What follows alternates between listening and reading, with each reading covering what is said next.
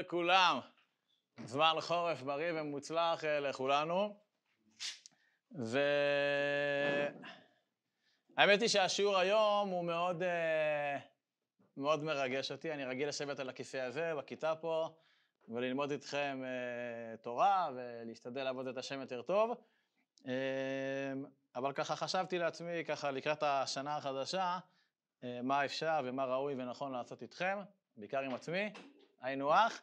אמ, וניגע בדברים אה, בהמשך, כי אני, אנחנו בעצם מתחילים היום סדרה חדשה, סדרה שתעסוק בלימוד אה, הכתבים, עיקר הכתבים של האדמו"ר הקדוש מפיאסצנה, השם ייקום דמו. אה, בשבת, מחר בערב, זה היורצייט, יום השנה ה-79 להירצחו על קידוש השם, לא רחוק מלובלין, בסביב מחנה מידנק, על קידוש השם, במהלך השואה. אה, זה היה שנת תש"ד, 1943, למניינם. ואני רוצה להתחיל ולספר לכם על החיבור שלי לספר, אה, לאדמו"ר עצמו ולספר שנלמד חובת התלמידים. זה מהלך שנתי, נלמד את חובת התלמידים בחורף, ובקיץ את הכשרת האברכים ומבוא השערים, ככה שבשנה אחת נסיים ונסכם את הכל, אבל ניגע בזה בהמשך. כשהייתי בתיכון, היה לי תסכול גדול מההתנהלות של הממסד החינוכי מבחינה דתית.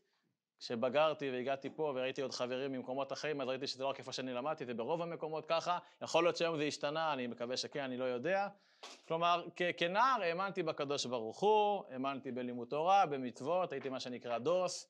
אני לא יכול למכור לכם סיפורים שפעם הייתי חילוני וחזרתי בתשובה. אה, לא, פעם הייתי דתי ואני עדיין חוזר בתשובה, אה, ברוך השם.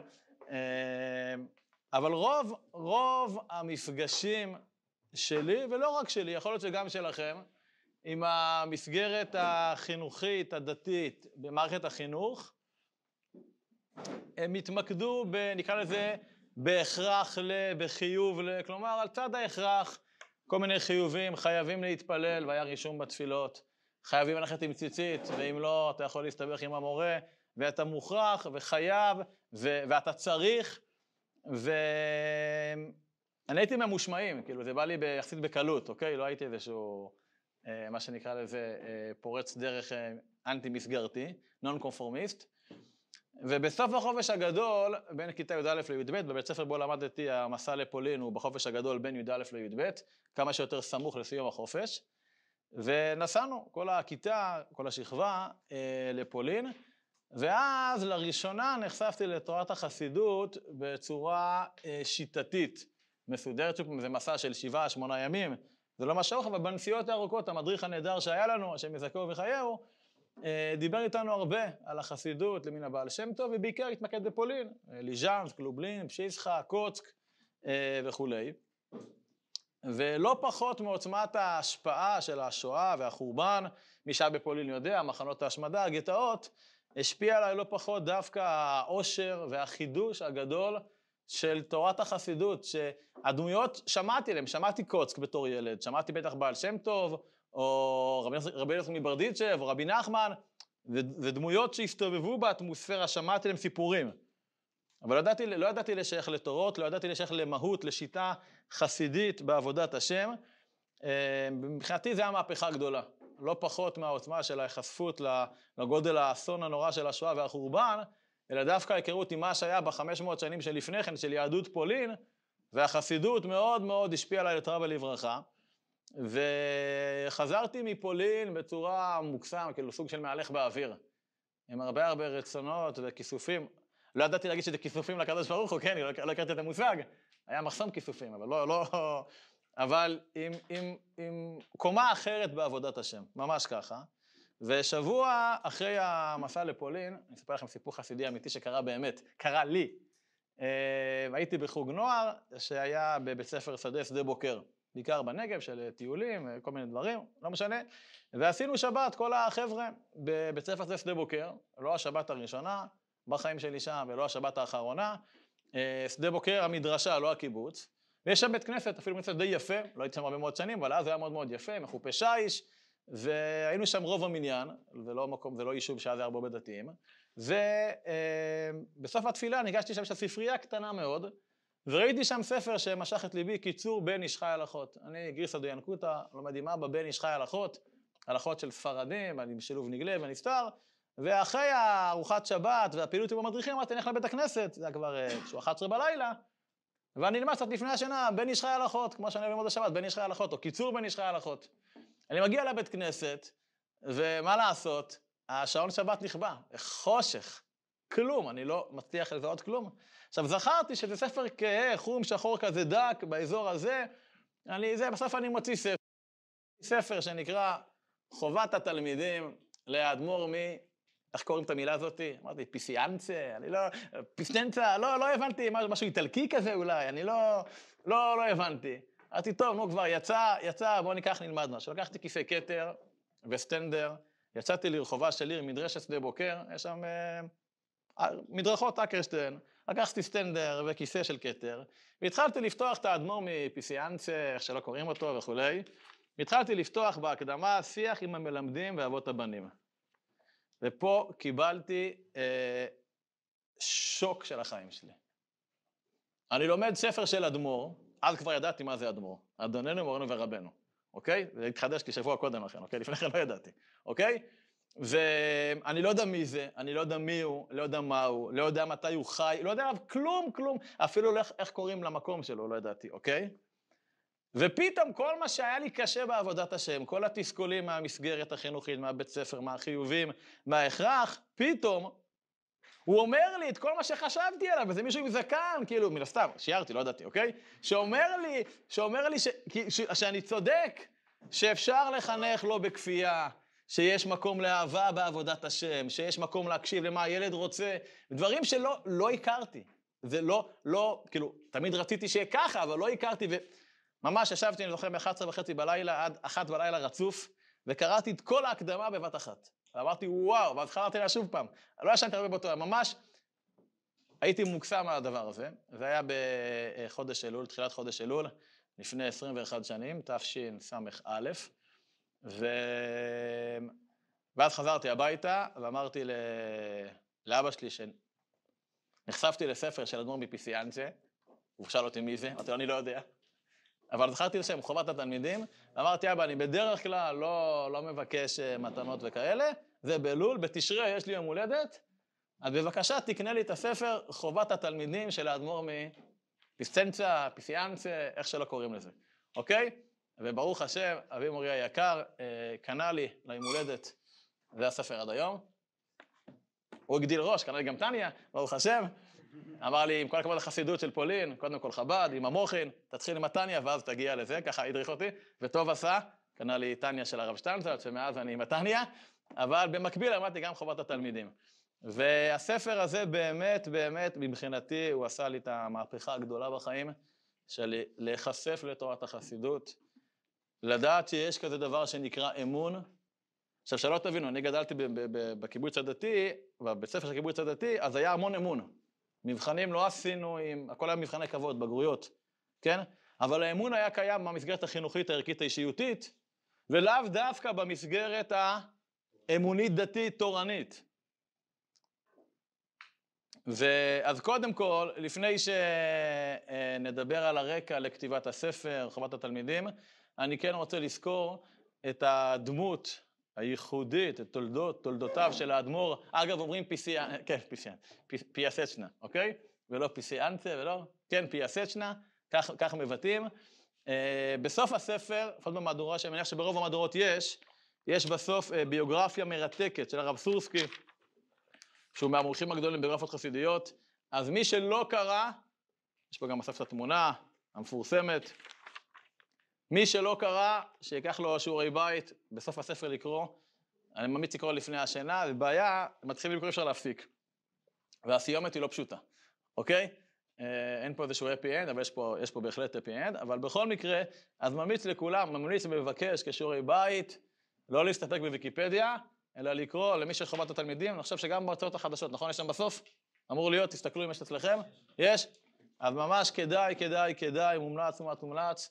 כל סופרלטיב אפשרי, אה, לקרוא, ובכלל, צריך לדעת שכל פעם שאנחנו עוסקים בתורה של מישהו, אז חשוב להכיר אותו. אז אם בהפניה לשיעור כללי, הרב ראם מפנה אותי לרב חיים מבריסק, אז לפתוח שנייה ויקיפדיה ברמה של הנולד, נפטר, אה, כתביו, תלמידיו, אוקיי? רבותיו, תלמידיו, כתביו, אוקיי? אבל אם עכשיו אדמו"ר שהולכים להיפגש איתו במשך מה שנקרא השנה השלמה, אז ראוי להעמיק ולהכיר אותו, וזה נותן נופך אחר לכל ההקשר של, ה, של התורה שלו. בכל מקרה, אני כן רוצה להתייחס אה, ממש בקצרה אה, לדמותו של האדמו"ר. האדמו"ר נולד בי"ט באייר תרמ"ט, שזה סוף המאה ה-19, 1889 לאביו, רבי אלימלך מגרודז'יסק, שאני גם יודע מבטא, שאני מקווה שאני מבטא כמו שצריך, גרודז'יסק בפולין. רבי אלימלך היה אה, מוכר כזקן האדמו"רים בפולין אה, באותה תקופה. אה, זה מעניין מאוד, כי בעצם האדמו"ר הוא הבן הבכור מאשתו השנייה של רבי אלימלך.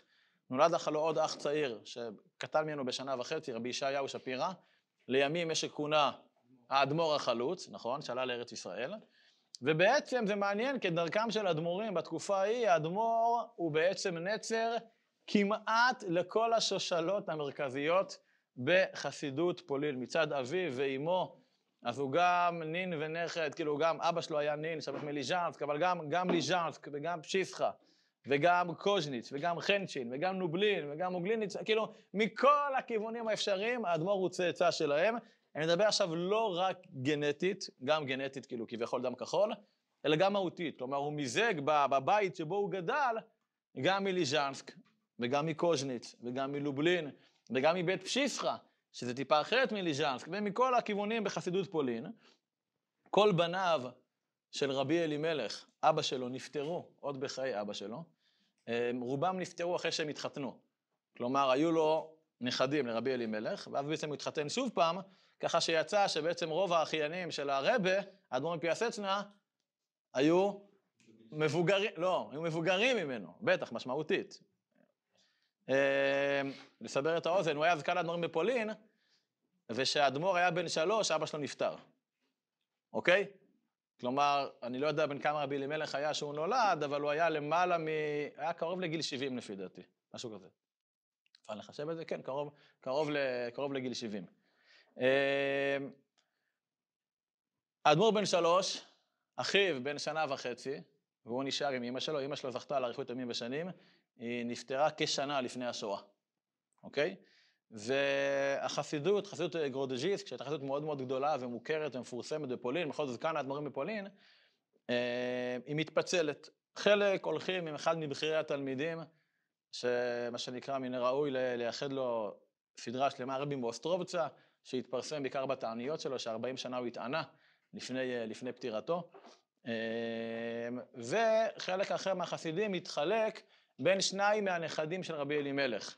אחד רבי ישראל מגרודז'יסק ואחד רבי יחמיל משה מקוז'ניץ, שהיה רבי מקוז'ניץ.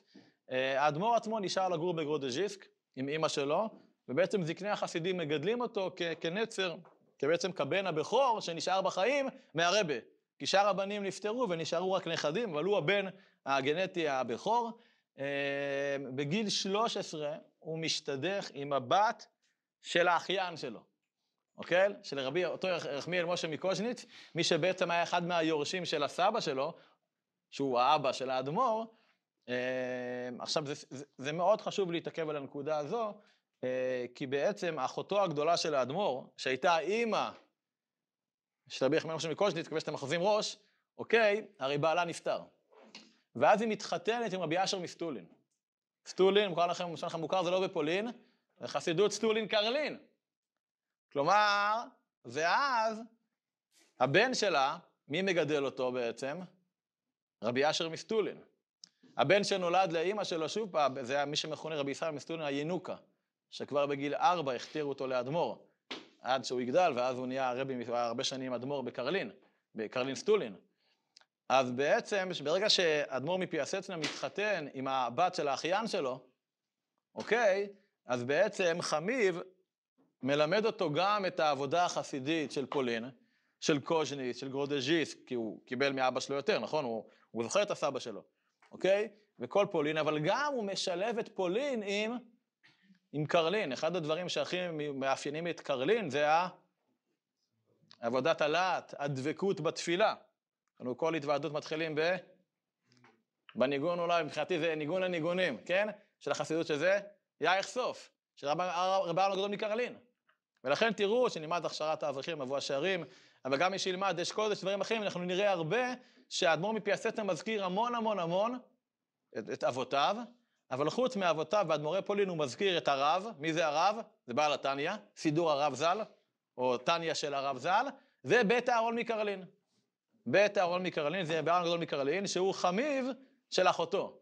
כלומר, שהוא הסבא הרוחני של חמיב, לצורך העניין, ולכן המיזוג הזה של תורת פולין, שזו תורה שהיא מאוד חריפה ועמוקה, יחד עם הלהט והרגע של קרלין, זה היה משהו שלא היה קיים בפולין. מדברים על חסידות פולין, מדברים על גור למשל. גור זה עמקות, זה שקיעה בתורה, זה רחבות, זה גדלות, אבל לא בהכרח, שם מרשים, אבל לא בהכרח הלהט והשתפכות הנפש שמאפיינים יותר את, את קרלין. והאדמו"ר בעצם היה צומת רוחני שמזה גם את המקומות של קרלין וגם את המקומות של, אה, של פולין.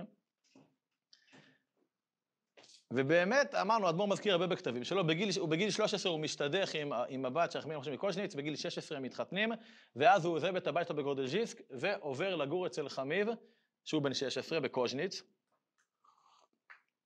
לדאבון ליבנו, כעבור ארבע שנים, שהאדמו"ר פיאסצנה רק בן 20, חמיב נפטר במפתיע, בגיל 49 באופן פתאומי, ורוב החסידים של חמיב, שבעצם רובם עוד זוכרים את האבא שלו, של, של רבי מגרודז'יסק, ממש מפעילים לחץ כבד אמרו פיאסצנה, ש... עוד לא מפיאסצנה, כן? שיקבל את האדמו"רות.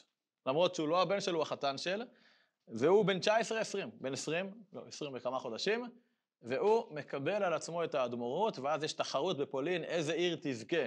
הוא לא רוצה להישאר כמובן בקוז'ניץ, שם הוא נותן לגיסו, לאח של אשתו שיהיה אדמו"ר. ואז הוא בוחר בעיירה קטנה שמעולם לא היו בה אדמו"רים. אותה דווקא מקום קטן, לא מקום גדול.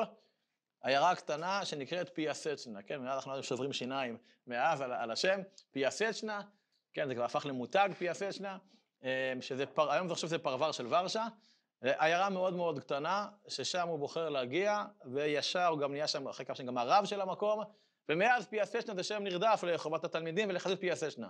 זה כבר לא חסידות גרודז'יסק, או חנצ'ין, או קוז'ניץ, או קרלין, זה חסידות פיאסשנה. בפני עצמה, היא קובעת לה ברכה אה, בפני עצמה, ומאז הוא מתחיל להנהיג את עדתו, אומנם בגיל 20, בגיל מאוד מאוד צעיר, אבל הוא בוחר בדרך מאוד מקורית, מאוד ייחודית, ובעיקר, בעיקר, דרך עצמאית. לא סתם הוא בחר לו עיירה משל עצמו, הוא לא רצה תכתיבים, הוא לא רצה, נהוג ככה, נהוג ככה, הוא בוחר בדרך שלו, ומקים שם ישיבה גדולה, ואז אני חושב שהרבה הרבה נכתב, אומרים פי הסצר, בעיקר מדברים על השואה, נכון? כי בעצם החיבור שלו שהוא כתב בשואה, זה בעצם החיבור אולי הכי מוכר, זה לא החיבור היחיד, של כתבים ששרדו את השואה. אני כמובן מתכוון לכתבים שנקראים אש קודש. אש קודש זה לא השם שהוא נתן. זה בעצם התמלול שהוא כותב לדברי תורה, לטישימה, לא יודע, מאולתרים יותר או פחות, שהוא נתן בגטו ורשה. אה, יש פה בסוף, אפשר לראות אפילו צילום של המכתב שהוא כותב. כן? אויף מרכזם, כן? זה הצוואה, שבו הוא כותב, נא למסור את הכתבים לאח שלו, רבי ישעיהו שפירא מתל אביב, פלסטינה. ככה הוא כותב, הוא לא ידע זה ארץ ישראל, כן? אה, והוא החביא אותם בקדים של חלב, יחד עם עוד עם האוסף מה שנקרא ארכיון רינגלבלום, שאנשים שתיעדו, עמנואל רינגלבלום, השם יקום דמו, שתיעדו את ההוואי, ההוואי הגשמי והרוחני בגטו ורשה, והוא הטמין את זה שם רק בתחילת שנות החמישים, שהרסו בתים פינו הריסות כדי לבנות בתים חדשים, מצאו ביסוד את הקדים, פתחו אותם, ראו שם כתבים, הבינו שזה בעברית, והגיע ליהודי מהסוכנות, שהרב דובדבני כמדומני. מה? הוא היה בוורשה? אדמו"ר היה בגטו ורשה, כן, פי הסט. לקחו אותו להירתום? כן, לאזור מיידניק שם, מה שנקרא חג הקציר לנו, היה שם אה, טבח המוני. אה, כן, בהחלט. אני אומר, בכל מקרה, עיקר הפרסום בא בעצם לאדמו"ר, סביב אותו אדמו"ר שתפקד כאדמו"ר חסידי גם בשואה, שהתעקש על הנהגות חסידיות ומסירת דברי תורה וטישים, וכן, גם אם לא היה אוכל, אבל עדיין, והוא רשם את דברי תורה, וזה אש קודש. אבל, אז תקראו על זה, יש המון המון על השיטה החינוכית בשואה, והנהגות וסיפורים וכולי, אבל עדיין, חשוב לי להתעכב דווקא על, ה, על התפקוד של האדמו"ר לפני השואה. כלומר, בשנות השיא שלו, רק לסבר את האוזן, האדמו"ר נרצח כשהוא היה בן אה, 54 וחצי. הוא לא זכה לאריכות ימים, לאריכות שנים. אריכות ימים, לא לאריכות שנים, גיל צעיר, אוקיי? אה, כבר בתחילת השואה, ביום הראשון, היו הפצצות, ובנו אה, וכלתו נפצעו קשה, ואחרי זה נפטרו כעבור שבועיים, וגם אשתו נפצעה ונהרגה, והוא אומר להתחלה, אני כבר הפסדתי במלחמה. באש קודש, הוא כבר הפסיד הכל, אבל אנחנו ננצח. אה, הוא שרד יחסית עד סוף שנת 43, כלומר הגטו עצמו חוסל במרד, מרד גטו ורשה זה בפסח, 1943, הוא שרד עוד חצי שנה אחר כך, ואז אה, אה, נשרף על קידוש השם. בכל מקרה, אה, האדמו"ר, היה לו יחס מאוד מיוחד לילדים, דווקא בגלל שאדמו"ר צעיר, ילדים באו איתו במחנה משותף מאוד בקלות, כי הוא לא איזשהו אדמו"ר עם זקן לבן ארוך וכולי, וגם לא, הוא אדמו"ר בגיל 20, גם לא היו ילדים בשלבים הללו. אמ, ובאמת, זה הספר, אחד הספרים המהפכניים והייחודיים יותר בכל החסידות, אגב עד היום, שנקרא חובת התלמידים. כשאנחנו אומרים חסידות, אנחנו יודעים שהבעל שם טוב הקדוש לא כתב ספרי חסידות. מי כתב משמו? תלמידו המובהק בעל התולדות, תולדות יעקב יוסף, יעקב יוסף מפולנוע, אז הוא כתב תולדות יעקב יוסף, כתונת פסים, נכון? אחרי זה יש לנו את הדור של תלמידי המגיד בעצמו גם לא כתב, יש דברים משמו, מגיד הרב ליעקב וכולי, אבל הוא לא כתב. בדור השלישי של תלמידי המגיד יש כבר כתיבה. נועם אלימלך, ליז'נסק, נכון? קדושת לוי, ברדיצ'ב, אור המאיר, יש הרבה ספרים, זה כבר הדור השלישי.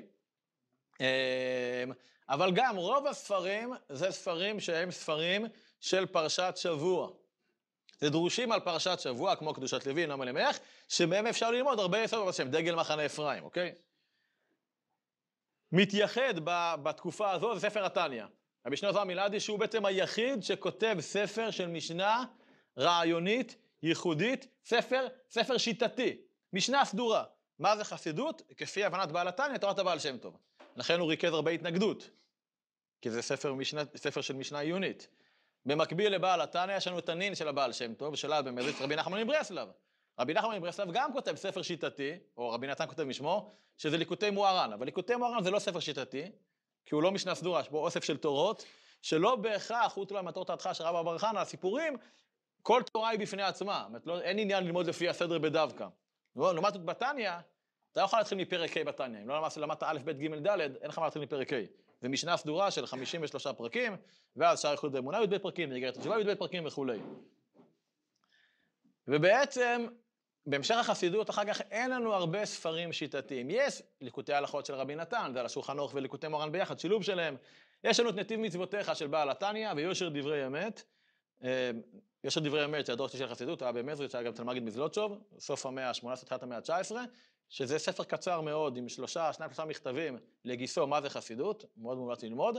יש את מצוותיך, שזה כבר כמה עשרות שנים אחר כך, באמצע המאה ה-19, בקומרנה, שם מסביר את שיטת החסידות הבעל שם טוב והריזל ביחד. אבל אין לנו הרבה ספרים שיטתיים. מכנה משותף לספרים שאמרתי, ליקוטי מוהר"ן, טניה, נתיב מצוותיך ודאי, זה ספרים שהם בשפה מאוד מאוד אקסקלוסיבית, מאוד מאוד בוטיק. כלומר, זה מיועד לאנשים שיודעים חסידות, אנשים שנמצאים בישיבות, ולא רק חסידות על פנימיות התורה בהרבה מובנים. כאילו ללמוד טניה, אפשר בלי פנימיות, אבל זה יסודות פנימיות. יודעי חן. מה? יודעי חן, בדיוק, נכון, לגמרי מסכים עם ההגדרה. חן וחוכמת הנסתר, כן? זה אנשים שמונחים בחסידות. ופה האדמו"ר עושה מהפכה. למי הוא כתב את הספר הזה? לא לשיעור א', גם לא לשמיניסטים. הספר נכתב לילדים בני 10 עד 13, 11, 12, ספר הדרכה לקראת הבר מצווה. לקראת הבר מצווה. אנחנו בפיגור, אני הגעתי בגיל 18, אתם מבינים? זה כבר שש, שש שנים איחור. אבל לזה הוא יהיה, צריך להבין שהמערכת החינוכית בפולין באותם שנים הייתה בנויה בצורה כזו ש, שבעצם כולם למדו בחיידרים עד גיל 13, עד הבר מצווה, ואז מה? ואז מי שהיה מוכשר או מקומבן, כלומר, או מאוד עשיר, או מאוד מוכשר או מיוחס, בדרך כלל המיוחסים היו גם עשירים וגם מקומבנים, אוקיי? אז הם נשארו ללמוד, אבל רוב החבר'ה יצאו לעבוד. מה זה יצאו לעבוד הכשרה מקצועית? אתה תהיה שוליית הנגר, וכשתתחתן בגיל 18 תפתח נגריה. אתה תהיה שוליית הנפח, תהיה נפח, אתה תהיה שוליית הקוסם, אתה תהיה קוסם, שום בעיה, אוקיי? כל אחד, ככה זה ההכשרה המקצועית, זה מה שהיה. חושב שבמשפחה של סבא רבא שלי זה יותר, זה ליטא, אוקראינה, זה לא. אז הוא היה אחד מעשרה אחים, הוא היה עילוי גדול, אז אותו שלחו לישיבה. אבל שאר האחים לא הלכו לישיבה. חד וחלק, למדו עד, עד הבר מצווה, ידעו ללמוד אה, משנייס, כן, עין יעקב, ידעו לקרוא ולכתוב, אולי קצת גמרא, וזהו. וזהו. ומגיל 13, רוצה לפרנס. אבל אז מה אומר האדמו"ר? אני לא יכול לחכות שהם יתחתנו, או שיסיימו את הישיבה, ואז, מה שנקרא, אני אחנך אותם בתורה ודבקות ולת, כמו בכל החסידויות. תהיה אברך, ואז תהיה בחבורה של האדמו"ר, אצל המדריכים וכולי, המשפיעים. אני לא יכול לחכות, אני צריך כבר עכשיו, כי כבר בגיל 13 הם יוצאים מהישיבות. או בגיל 3, בגיל 18, הם כבר מספיק מגובשים בדעתם, ואז כבר אי אפשר לדבר איתם על תורה ומצוות. אז לכן אני לא אחכה שיגיעו לגיל 18. אומר, מה השיטה פעם, לפני הדור שלנו, אומר אדמו"ר פיאססנה? יש לך שאלות, תלמד גמורי, גמורי, גמורי, ש"ס, ש"ס, ש"ס, פוסקים, פוסקים, פוסקים, עד לגיל 18, ורק בגיל 18 אין לך שאלות, אתה כבר תהיה מלא ש"ס ופוסקים, אז תוכל להתמודד עם השאלות האלו באמונה. אבל אומר האדמו"ר, אבל אצלנו בדור שלנו, אומר אדמו"ר פיאסצנה, בשנות ה-20 וה-30 המוקד... המוקדמות של המאה הקודמת, אצלנו, כבר בגיל 13-14 יש שאלות אמוניות, ובגיל 18 זה לא מספיק, אז אני צריך כבר בגיל 13 להביא אותם למקום חינוכי טוב במורות עבודת השם. זוכר שאבי מורי שהיה מחנך בקיבוץ, הוא התעקש להיות מורה רק כיתה ז'-ח'. לא ט', לא י', בדרך כלל אומרים, המורים הכי טובים לאן? הייתם ישיבות, נכון? המורים הכי טובים לאן? שביעית, שמינית. ואבא שלי אמר, לא, ז'-ח', ז'-ח', גיל בר מצווה, בלי בגרויות. דווקא הגיל שהם תמימים, שנכנסים לו על מצוות, אם אתה שואלים אותי היום, זה בכיתה ו'-ז', אפילו ו'. כי כבר אם פעם אדם בסוף י"ב מחליט, אני דתי, אני לא דתי, מכינה, ישיבה, שנת שירות, צבא, היום כבר אנשים מגיעים לגיל ט', וכבר כיתה ט', וכבר יודעים, הם על הרצף הזה או הרצף האחר, אוקיי? ולכן דווקא לתפוס את הגילאים הללו, מה שנקרא גירסא דיינקותא, הראשון נכנס, אחרון יוצא, ודווקא אז להעליב אותם. ולכן האדמו"ר כותב ספר שהוא חידוש כפול. למה חידוש כפול? קודם כל כותב ספר שיטתי, של מהי משנת החסידות, אוקיי? דבר ראשון. דבר שני, למי הוא מייעד? מי הקהל היעד? מי הכתובת של הספר? ילדים. לא האברכים, לא זקני הצאן, לא הישישים, לא האברכים, מי? ילדים בני 10, 11, 12, וזה חידוש כפול. אז בואו נראה את, ה, את, ה, את, ה, את הדברים, הרקע לכתיבת הספר.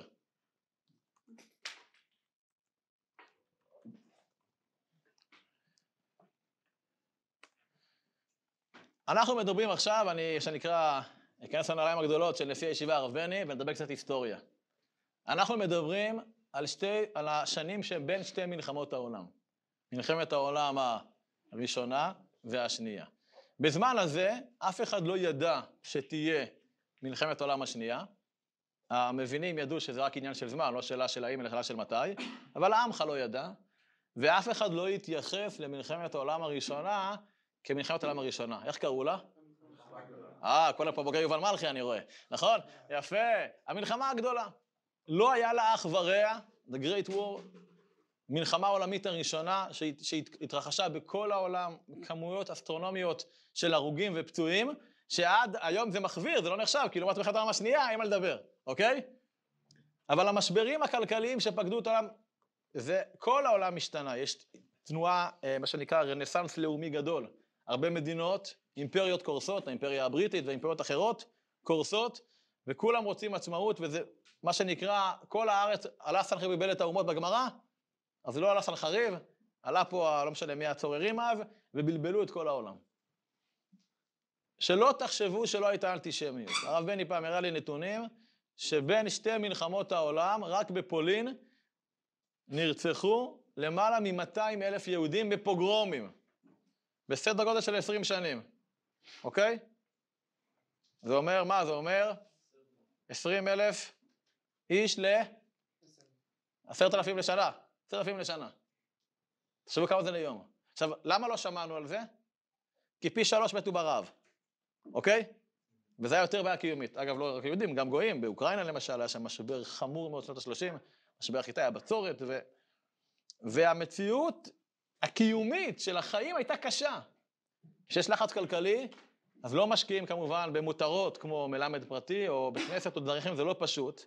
והאדמו"ר הבין שבשנים של התעששות במלחמה הגדולה, וב-1928 המשבר הכלכלי הגדול, שהוא יותר מוכר בניו יורק, בבורסה, אבל הוא השפיע על כל העולם כולו, שנקרא השפל הגדול. ואז אדמו"ר אומר, רגע, רגע, רגע, תורת החסידות, חס וחלילה, חס ושלום, אין מצב שהיא לא רלוונטית, היא רלוונטית מתמיד. אבל מה הבעיה שלה? זה לא הרלוונטיות. הבעיה שהיא לא נגישה. ובגלל שהיא לא נגישה, אנשים חושבים שהיא לא רלוונטית. ולכן, הוא אומר, היא לא נגישה לחבר'ה ולנוער, ועד שהם נעשים נוער, אז הוא כבר לא כלי קיבול בשביל לקבל את זה. עכשיו, מצד שני, ילדים קטנים, מדבר איתם עכשיו בספירות, בחסידות, בבחינות של הצדיק, נאום אלימלך, או צמצום של הקדושת לוי, כאילו, מה תדבר איתם? הם לא במקום הזה. ועד שהם נעשים כלי קיבול, הם גם בכלל לא בקטע. ולכן, אז יש לה, יש, יש מה שנקרא הפתרון של חוות התלמידים, אדון פיאסצנה, זה להנגיש את החסידות מבחינת התוכן, מבחינת השפה, מבחינת העקרונות, לדור הצעיר. ואני אומר, הדור הצעיר, ד' ה' ו', בגילאים שלנו. לפני בר מצווה, זה הגיל המדובר. איך? הוא כותב ספר שיטתי של משנה סדורה של עבודת השם על פי החסידות, בשפה פשוטה, שילד בכיתה ד' ה' ו' יכול וצריך להבין, אוקיי? זה לא ספר של דרשות פרשת שבוע, שמשם ניתן לברר ולהסיק מסקנות ושיטות, לא, זה ספר שיטתי לילדים, אוקיי? זה דומה לתניא, ספר שיטתי, אבל התניא זה תורת חב"ד, זה חוכמה בן הדת, זה התבוננות, זה השכלות, זה מוחין, לא כולם בנויים לזה. ולכן, פה הדגש בחב"ד זה מה שנקרא בחסיד, בקבלה החגת תנאי, חסד, גבורה, נצח עוד יסוד, כלומר לא על המקום ההכרתי הקוגנטיבי, דווקא יותר על הרגש, על המידות. לא לכולם יש מוחין, אבל לכולם יש רגשות. ובואו נראה באחד המאפיינים של תורת פולין, בשונה מתורת אה, חב"ד, האוקראינית, הליטאית, הרוסית יותר, שבואו נפנה לרגש, לבטן, פחות לשכל. זה הספר היחיד שהודפס בחיי האדמו"ר. בשנת תרצ"ב, 1932, אה, הוא היה best seller, מה שנקרא, הרבי מאוד מאוד מאוד השתבח בספר הזה. שהיו מכבדים אותו בהקפות, בחסידות פולין, לפעמים נהוג שלא החסידים רוקדים, אלא רק הרבי, יש עוד אומרים את זה בחסידויות, הרבי רוקד, וכולם מסתכלים עליו ספר תורה קטן. היו אומרים, יעמוד, כבוד קדושת, אדונני מרני ורבני, קלונימוס קלמיש, כן, בן רבי אלימלך, עד, עד הייחוס, מה שנקרא, עד רבי אלימלך, כל הייחוס הגדול שלו, והוא היה מוסיף, מחבר הספר חובת התלמידים. הוא היה ממש משתבח, ותגידו שאני מחבר הספר חובת התלמידים. זה מה שנקרא, בזה הוא היה מתגאה, במובן החיובי. ו... והגישה של הרבה לילדים הייתה מאוד מאוד ייחודית. בשנת תשס"ז, היה פה יום עיון בישיבה, אה, לכבודו של האדמו"ר. הביאו את, את הרב שגר, לא, זה תשס"ה זה היה, סליחה. הביאו את הרב שגר זצ"ל, רבו של הרב בני, והביאו את האדמו"ר מפיאסצנה הנוכחי, שאבא שלו היה אחיין אדמו"ר פיאסצנה, הוא היה נכד של אדמו"ר החלוץ, אבל מבחינתי החידוש היה שהביאו את רב חיים קאנר, זיכרונו לברכה, שגדל פי הסצנה. והיה תלמיד של האדמו"ר, ואני בסוף לראשונה, כמו הרב קרליבך להבדיל, שרואה את מנקי הרחובות, שאתם מכירים את הסיפור, כן, grace to זוך, כן, הדבר הכי שאתה יכול לעשות בעולם זה לעשות טובי לאדם אחר, ליהודי אחר. אני זה הלחינו את השיר, משהו כזה? שמעתי, לא שמעתי את השיר, אוקיי? אבל שלום עליכם, כן, הסיפור של הרב קרליבך וכולי, עליכם שולם. אה, ומבחינתי לראות דמות, אדם הוא לא היה מבוגר מאוד אז, הוא היה בחיים, שהולך ומספר לנו על האדמו"ר, מבחינתי האדמו"ר זה ספר ותמונה. פתאום הוא אומר לי שהאדמו"ר היה אדם מאוד מאוד גבוה. תמיד תראיתי את האדמו"ר, הוא אמר, מאוד מאוד גבוה. והוא סיפר, כשהוא דיבר פה בישיבה, הוא סיפר לנו שהיה לרבי הנהגה מאוד מיוחדת. הרבי היה מקפיץ שבבית מדרש, המרכז של פיאסצנה. הרבי היה כל הזמן, כל השנה בוורשה, ורק לפעמים בקיץ ובימים נוראים תשעה בפיאסצנה. בבית מדרש שלו הייתה הנהגה. הייתם פעם בבית מדרש של גור? או ויז'ניץ, או ברז, אצל, אצל הגדולים, אוקיי? מי יושב ליד הרבה? רק, לא, לא, לא. רק האנשים עם הזקן לבן, שיודעים ש"ס ופוסקים על בורים, והגבירים, אולי, אבל זה לא מקום קבוע, הם באים לתיש אחד, זה לא מקום קבוע. אצל הרבי פייסצנה היה כלל, מי יושב ליד הרבה במזרח? רק הילדים. אתה מבוגר, יושב מאחורה. ליד הרבה ישבו שורות שורות של כיסאות נמוכים מעץ, והוא היה מוקף בילדים. ושאלתי את רב חיים קנר, ילדים מה, כאילו, 15-16?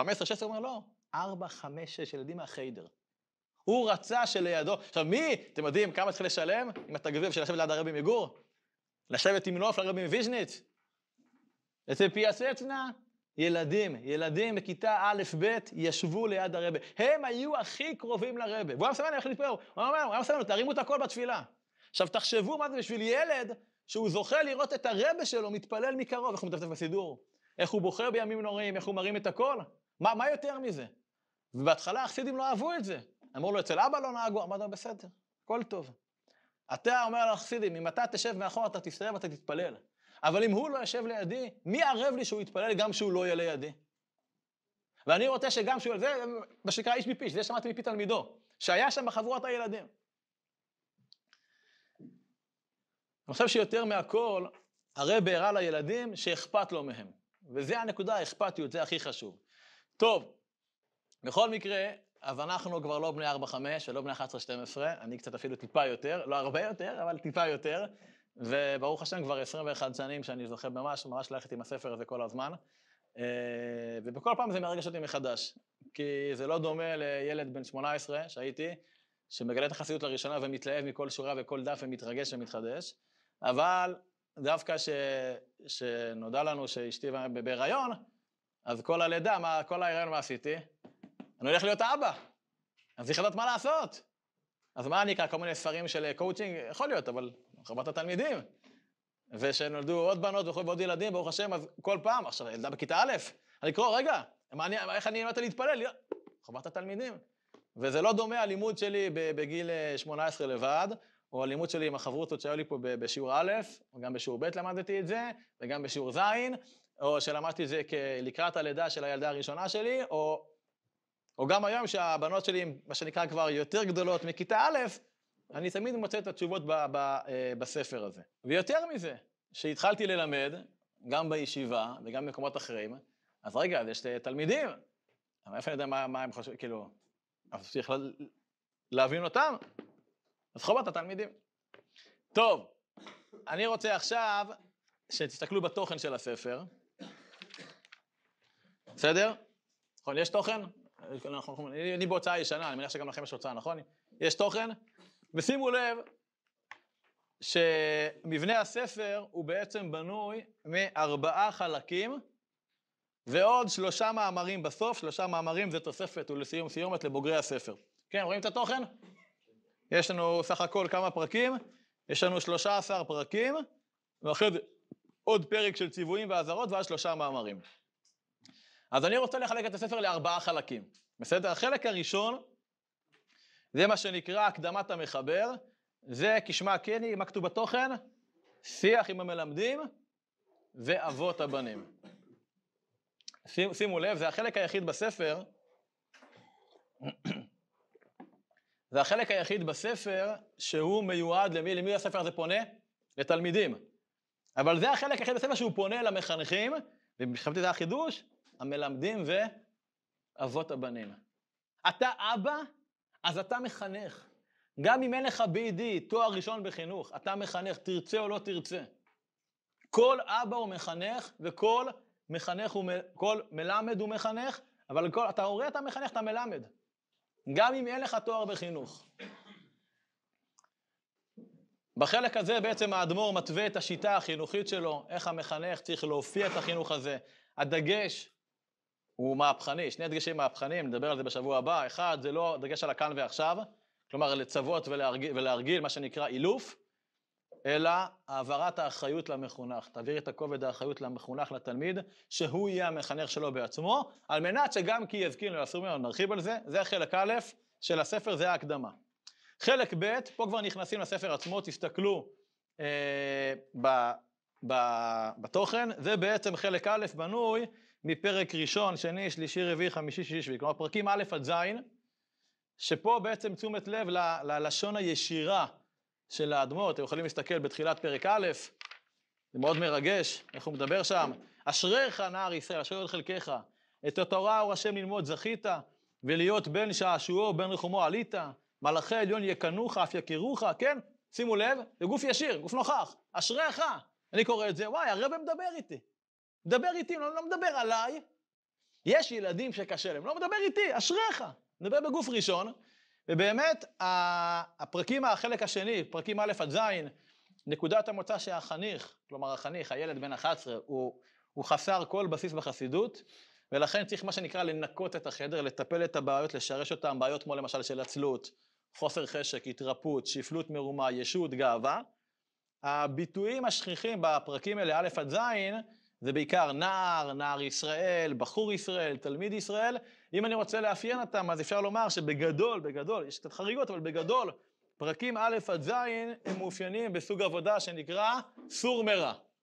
בסדר? החלק השלישי של הספר זה פרקים ח' עד י"ג. רואים פרק ח', נחיצות, נחיצת עליות הנפש והמידות, פרק תשיעי. איזה עצות להתעלות, פרק עשירי, להפוך מידות הרעות למורי אור וכולי. הפרקים הללו, ח' עד י"ג, פה כבר התלמיד מתחיל לעבוד על עצמו, הוא מתחיל לשרש את מידותיו הרעות, ולכן הדגש הוא על עשה טוב, יותר מאשר סור מרע, דווקא עשה טוב. עכשיו הוא לא צריך לנקות את הבית, עכשיו הוא צריך לקשט את הבית, כלשון האדמו"ר. כלומר, בניית קומה נוספת של מידות טובות, של רצונות, של התעלות מתמדת בעבודת השם. והביטויים השכיחים יותר זה כבר לא נער, אלא תלמיד ותיק. עד כדי כך, פרק י', האדמו"ר קורא לתלמיד איש, איש ישראלי, בחור ישראלי, בן יקיר, כבר תארים של חשיבות. חלק ד' זה בעצם פרק י"ג. פרק י"ג זה בפני עצמו, זה שלא להחמיץ את עצמו, ופה בעצם, אה, פה כבר האדמו"ר מכנה את החניך בתור חסיד. תראו בתחילת פרק י"ג, העימות שלנו שונה, אז אני לא אפנה אתכם לעימודים, לזה, אבל כתוב בתחילת הפרק יחסית, זכור נא תלמיד חסיד, כמה אנשים גדולים וטובים מקנאים בך. הוא כבר קורא לילד, אתה לא ילד, אתה לא נער, אתה לא איש, אתה? אתה חסיד, זה התואר הנחשף של כל אחד, אתה, חס... אתה חוסיד, אתה חסיד כבר. כלומר, הוא, ופה האדמו"ר פונה לחניך, לתלמיד, שהוא לא ידחה את העבודה שהוא מציע בספר לשלבים מאוחרים ובוגרים יותר בחייו, אלא כבר עכשיו, לפני הבר מצווה, יתמיד ויישם אותם. ובאמת מפה אומרים שזה ההוכחה והראיה שהחיבור מיועד לילדים לפני בר מצווה, ולא לחיבור לאנשים בגיל 18 וכולי. אחרי פרק י"ג אה, יש פרק סיכום שמכיל ציוויים ואזהרות שצריך לשנן ולתרגל ואת תמצית הספר למעשה. לאחר מכן יש שלושה מאמרים שכבר מיועדים לבוגרי הספר, שזה מה שנקרא יותר לאברכים, ובהם יש תמצית ההדרכה איך להיכנס לתורת חסידות הלכה למעשה. וחשוב לדעת, ופה אני מתחבר לשאלה שלך, שחובת התלמידים זה היה חלק מסדרת ספרים, סדרה של ארבעה ספרים שהאדמו"ר תכנן אה, לכתוב. חובת התלמידים זה לצעירי הצאן, לאחר מכן הוא כותב את הכשרת האברכים ומבוא השערים, אבל שני הספרים הללו, הכשרת ומבוא השערים, שהאדמו"ר לא פרסם בחייו, הם נמצאו בכדי חלב, והודפסו לאחר מותו, אנחנו אפילו לא יודעים אם זה הנוסח הסופי או לא, אבל זה נראה שזה נוסח סופי, הם בסך הכל מהווים ההקדמה לגולת הכותרת של האדמו"ר, שזה הספר שעליו הוא דיבר הרבה, ספר שנקרא חובת האברכים. כמו חובת התלמידים, אז הוא כתב ספר שיטתי חסידי עיוני לאברכים, לאנשים שמתחתנים ועכשיו מקימים את הבית שלהם בקדושה וטהרה, שנקרא חובת האברכים. לצערנו לא זכינו, אני מקריא לכם מהקדמה של מי שהדפיסו, בעצם הנכדים של אחיו שהדפיסו את הספרים אחרי השואה, אז בהקדמה להכשרת האברכים בעמוד א', שם יש שם מה שנקרא דברים אחדים המוציאים לאור, אני מקריא, וזאת למודעי, כי שנים אחדות לפני פרוץ המלחמה, עסק רבנו בחיבורו הגדול רב הפארות חובת האברכים. הספר הזה היווה גאולת הכותרת לחיבוריו הרבים, והספרים שלפנינו, הכשרת האברכים ומבוא השערים, מהווים כעין הקדמה לספר זה. מטרתו של הספר הייתה לחדור לתוך סתרי הנפש ומחבואיה, לתקנה ולהעלותה אל השם, כפי המבואר בספרו מבוא השערים סוף פרק ט'. הספר הזה לא הושלם וגם לא הגיע לידינו, חבל על דאבדין. אז עד כאן ההקדמה ומבוא לספר ולסיבת הכתיבה שלו. אמ, שיעורי בית לשיעור הבא זה להכין את ההקדמה, בסדר? השיטה היא אותה שיטה, אנחנו נלמד שני פרקים לשבוע, אתם תכינו כמו שאמרנו בתניא, ואני רק מסכם לכם את הספרים ומרחיב את הדברים. ופה אני רוצה אה, לגעת בנקודה מאוד אישית ומרגשת מבחינתי, שלא... זה לא נהיה יותר קל לדבר על זה, אבל השנה אנחנו נציין 20 שנים אה, לפיגוע הקשה שהיה פה בישיבה, הייתי בשיעור א', וכשככה דיברתי עם ראשי הישיבה, מה אני אלמד השנה, אמרתי, אני השנה מלמד חובת התלמידים. אז אמנם כבר לימדתי את זה בישיבה לפני חמש שנים, ויותר אמרתי, לא, השנה זה מיוחד, כי אחד ההרוגים בפיגוע בישיבה היה צביקה זימן, השם יקום דמו, הייתי בשיעור א'. ולצביקה היה חיבור מאוד מיוחד לספר. אני ממש זוכר, הוא יושב בקשתות, בקשת שאחרי הרב אמנון, יותר לכיוון הרב ישי, זוכר אותו ממש בכל רגע פנוי, היה מקדיש המון המון זמן מתחילת אלול לשבת על הספר הזה, ובעיקר לו מחברת לסכם. אני חושב שהיינו רוקדים לפני ערבית, אמרנו, צביקה, נו בוא לרקוד, והוא, שנייה, שנייה, הוא היה חייב יושב ככה לסכם את הספר, וממש בשבוע לפני שהוא נרצח פה בחדר אוכל, בפרשת שמות, הוא זכה לסיים את כל הסיכום של הספר בכתב ידו. הוא סיכם לעצמו את כל, משהו מאוד מסודר, פרק, פרק, סיכומים, מה שנקרא, גם שאלות, אולי מה לא ברור לי, וגם סיכומים הלכה למעשה. וחשבתי השנה, פניתי למשפחת זימן היקרה, לאבא שלו עוזי, שמזכה וחייהו, ואמרתי לו, אנחנו מכירים, בכל זאת, ואמרתי לו, אם אפשר בבקשה, אם, אתם מוכנים, זה מאוד אישי, אם אתם מוכנים להשאיל לי את המחברת של צביקה. אף פעם לא ראיתי אותה, ראיתי אותו כותב אותה, אבל לא ראיתי מה כתוב שם. ואמרו לי, בטח, והם נתנו לי עותק של, ה, של, ה, של המחברת. אז מה שנעשה השנה, הרי האדמו"ר נרצח לפני 79 שנים. וצביקה, השם ייקום דמו, נרצח לפני 20 שנים. אז מה שנעשה בכל פרק, זה נלמד את הסיכום מתוך הסיכום של צביקה. אני אדפיס לכם את זה, מביא לי את זה בוורד, נדפיס, נמצא לכם עותקים, ונסכם כל שבוע את הפרק, ואני חושב שזה גם סגירת מעגל מאוד מיוחדת. אני אספר לכם סיפור, סיפרתי אותו בעבר בישיבה, אה, על הקשר שלי לצביקה, אחד הפעמים, היום ברוך השם אתם בגן עדן העליון, הכל טוב ויפה, יש פה מתלמידי שלהם מחוץ לכתלים שמתחבאים פה על מדים, שזוכרים שהיה שמירות בישיבה הפעם, נכון? אז גם כשהייתי בשורה א', היו, היו, היו שמירות, היו שמירות, וזה היה מבאס.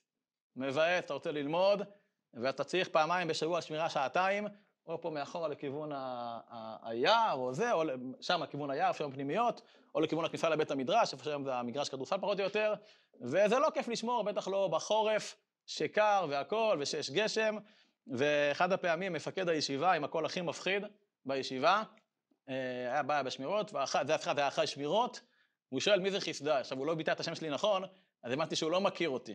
סימן שמה הוא רוצה לעשות? לטחון אותי בשמירה, ואז הוא ניגש אליי ואומר לי, שמע, אתה עולה לשמירה עכשיו. אמרתי לו, לא, לא, לא, לא, לא, לא. אני שמרתי שלשום, השמירה הבאה שלי בשבת, לא. הוא אומר לי, תקשיב, מישהו תקע אותי, תעלה שמירה עכשיו ואני אפנק אותך. כלומר, אני אתן לך שמירה שהיא טובה, ולא שמירה בין 2 ל-4 בלילה וכאלה וכולי, שהיינו שומרים עם עוזי.